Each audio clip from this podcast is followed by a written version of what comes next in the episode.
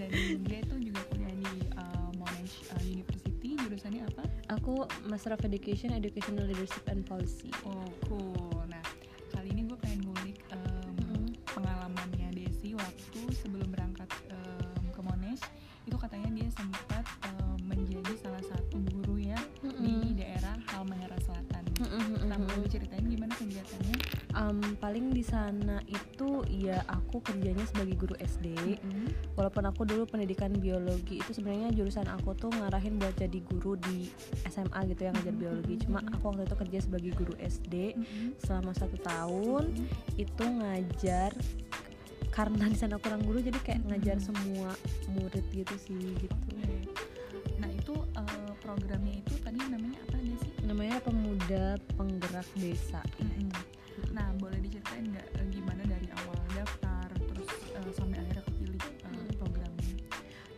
tuh sebenarnya sejarahnya mulai dulu aku pengen masuk Indonesia mengajar gitu Oh, kan. Cuma see. pas tahap wawancara nggak keterima. Oke. Tapi nah program ini tuh buka karena program ini tuh merupakan lanjutannya Indonesia mengajar gitu kan. Ah. Jadi kayak dia itu template-nya sama. Terus aku Hmm. ngeliat ya udah saya aku masukin aja gitu kan. Masukin eh ternyata ikut seleksi keterima alhamdulillah. Hmm. Jadinya ya itu langsung berangkat Hmm. di sana ikut pelatihan di sana Hmm. terus ditempatin di desa tempat mengajar gitu. Ngomong-ngomong Indonesia mengajar, eh, gue Mm-mm. tuh juga sempat dulu daftar, tapi Mm-mm. cuma sampai tahap yang eh, apa sih eh, seleksi per per kota gitu. dan ternyata ada ininya juga ya ada implementasi program lain Uh-uh, serupa ada. juga ya namanya Mm-mm. yang uh, pemuda pemuda penggerak desa ini. Nah uh, apa sih kayak obstacle yang ditemuin gitu selama ngajar di daerah gitu kan apalagi uh, Desi kan sebelumnya berasal dari daerah ya Bandung. Cukup ini lah ya maksudnya cukup jauh ya dari daerah itu. Kalau kendala sih pada umumnya di daerah terpencil tuh sama ya kayak akses em, kayak akses listrik, transportasi, air gitu masih banyak. Tapi sebenarnya kalau yang aku tangkap itu em, itu adalah gimana caranya dealing dengan em, apa ya pola pikir masyarakat yang masih menganggap pendidikan itu belum penting gitu. Jadi Hmm. kayak itu sih tantangannya waktu dulu gitu gitu.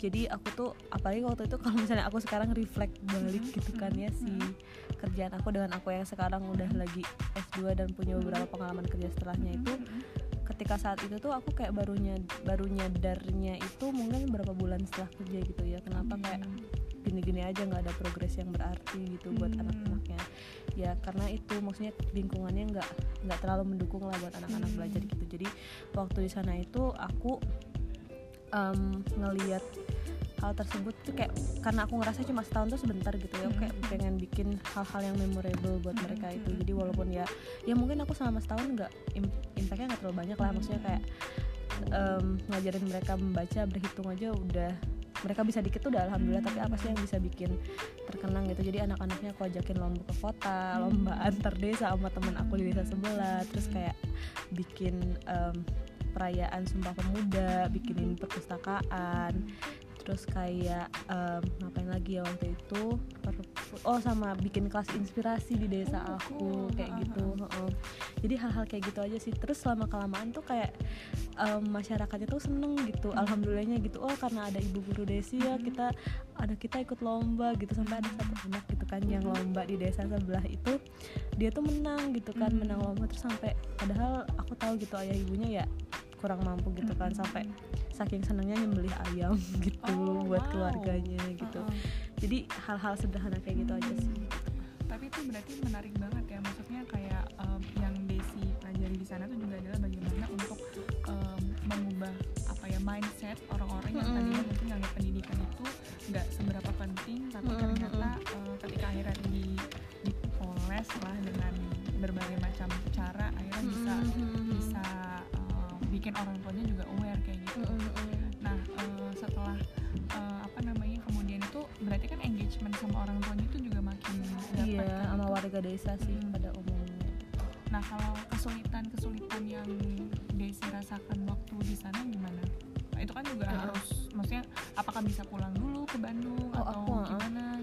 kalau kesulitannya itu ya paling ini sih kayak apa ya kayak karena aku di sana itu nggak tahu gitu dasarnya mereka kayak gimana kan. Jadi kayak bingung aja pertama waktu pertama gitu kan ngajarin mereka apa dulu gitu. Ternyata misalnya contohnya kelas 5 kelas 6 masih belum lancar baca belum tahu kayak ngitung ngitung ngitung sederhana kayak gitu gitu. Jadi di situ sih gitu kayak uh, tantangan pertama gitu. Tapi akhirnya belajar jadi belajar juga gitu uh, apa ya definisi suksesnya pendidikan itu di kota sama di desa itu kan beda gitu kan. Jadi harus kitanya sebagai guru yang menyesuaikan kayak gitu. Terus kayak ada perbedaan budaya juga sih di sana itu yang di mana anak-anaknya nggak terlalu lanjut mereka ngerti sih bahasa Indonesia cuma mereka lebih banyak bahasa daerah. Terus kayak logatnya kan beda kan.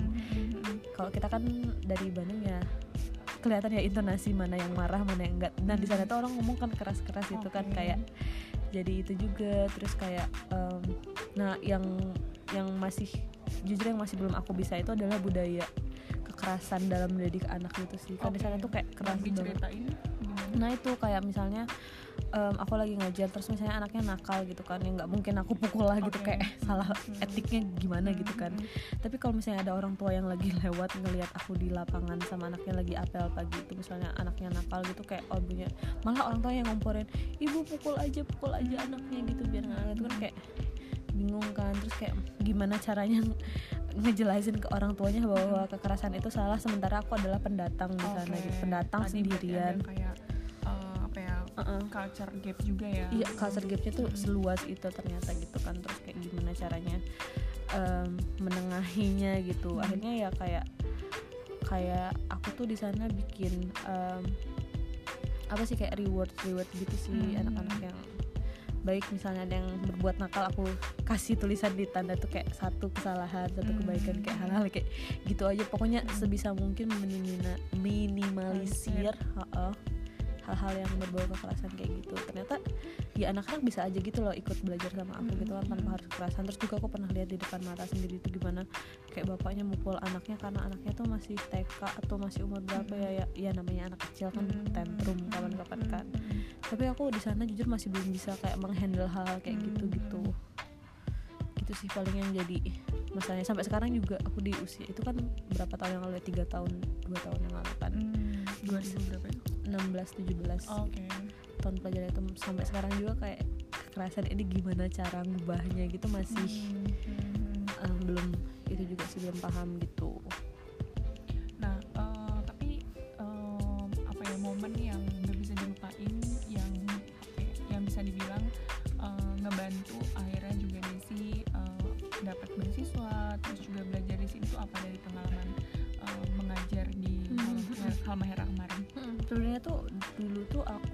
dulu ya gitu. Waktu lulus itu antara pilihan mau kerja dulu atau mau S2 gitu kan. Mm -hmm. tapi waktu mau ngambil S2 itu sebenarnya kayak nggak tahu mm -hmm. mau um, ngambil jurusan apa gitu. Paling mikirnya ya, mungkin sains pendidikan sains lagi gitu. Ternyata setelah ke sana gitu setahun gitu kayak baru nyadar aku tuh maksudnya um, gimana ya uh, sebagus-bagusnya guru gitu sekuat berkualitasnya guru gitu. Tapi kalau nggak didukung sama kebijakan yang um, kontekstual istilahnya yes. gitu. Kayaknya bakalan sulit gitu. Kayaknya si guru tersebut bakalan ya nggak nyampe gitu hmm. gitu. Jadi aku makanya ngambil kebijakan pendidikan sekarang itu karena pengalaman di sana gitu kan kayak ngelihat maksudnya um, guru-guru nih udah misalnya dari kita aja gitu ya. Ya walaupun kita banyaknya lulusan S S1, S1 fresh graduate tapi kan seleksinya juga bisa dibilang agak susah gitu kan. Bisa dibilang ya ya ada modal gitu buat modal di hal knowledge atau apa gitu yang tapi kalau misalnya di sana um, kebijakannya kurang tepat kebijakannya kurang ketat kayak gitu kayak jadinya sayang gitu kan nggak nyampe gitu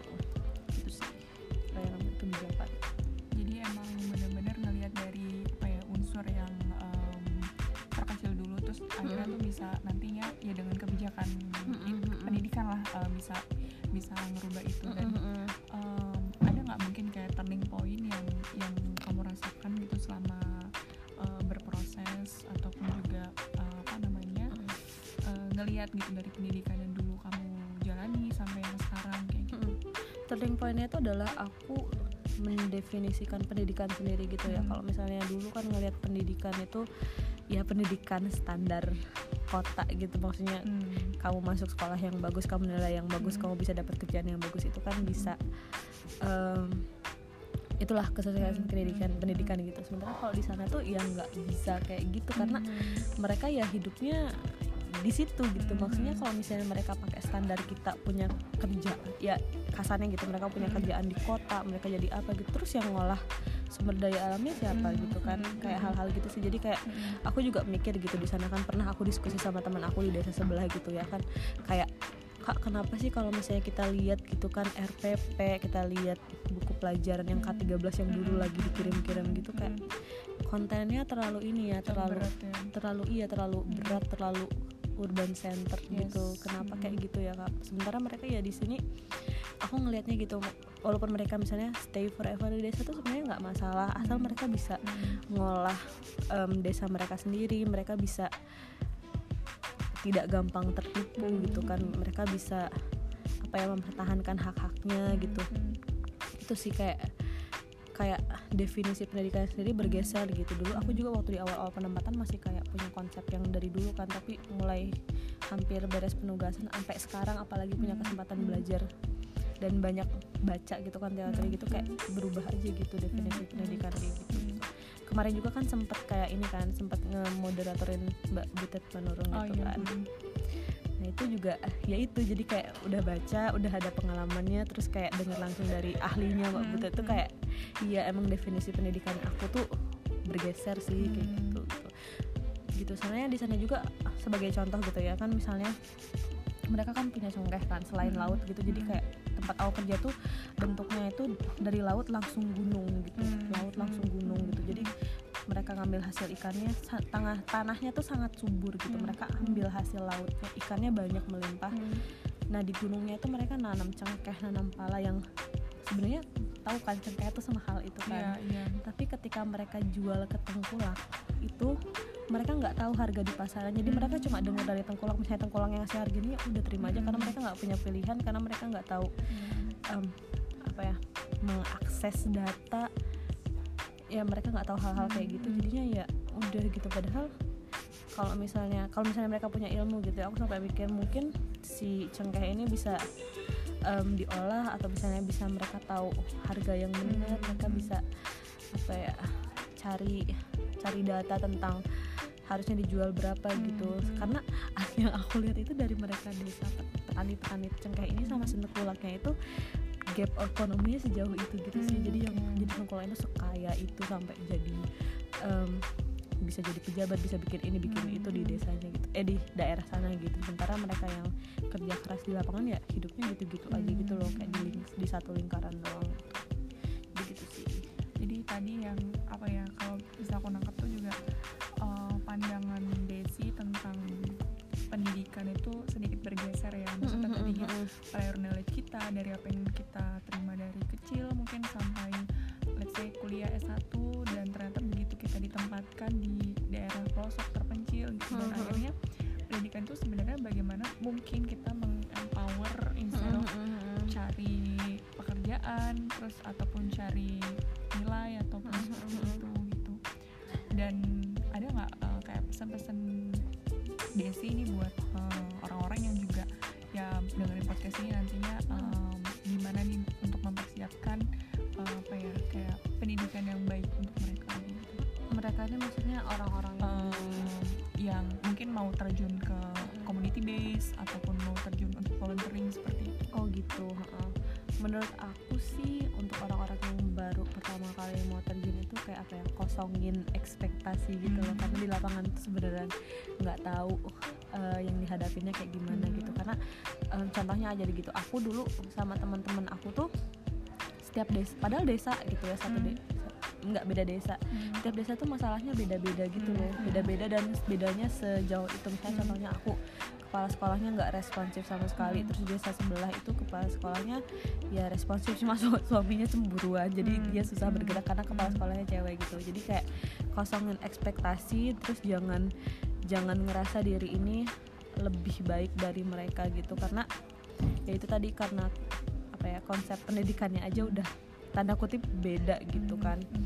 Ya mungkin uh, yang mereka nggak tahu yang mereka nggak tahu kita tahu yang kita nggak tahu mereka tahu. Contohnya kan mereka bisa ini kan mereka punya punya ilmu tentang alam sekitar itu se hmm. sedalam itu gitu. Jadi kita kayak harus um, ya jangan ya datang ke sana tuh dengan tangan hampa bukan tangan hampa ya. Ya itulah maksudnya kayak dengan nol ekspektasi. Um menjadi kayak gelas tengah ya, kosong gelas tengah kosong gitu yang emang pure ke sana ingin ngebantu ingin belajar gitu hmm. yang udah let it be aja terus juga ke sana itu hmm, ya udah membaur aja sama masyarakat gitu jangan bikin um, gap yang kayak uh, gue lebih tahu dari lo gitu jangan hmm. sampai kayak gitu aja gitu sih karena ya itu berbeda tapi kita bisa belajar satu sama lain hmm. gitu juga kok gitu thank you banget. Iya, sudah berbagi. Banyak banget nih pelajaran yang bisa diambil um, dari obrolan ini. Mm. semoga sukses terus dan iya. yeah. um, apa ya pokoknya semoga juga lancar lah kuliahnya. Iya yeah, thank you. Yeah, thank you Desi. Bye bye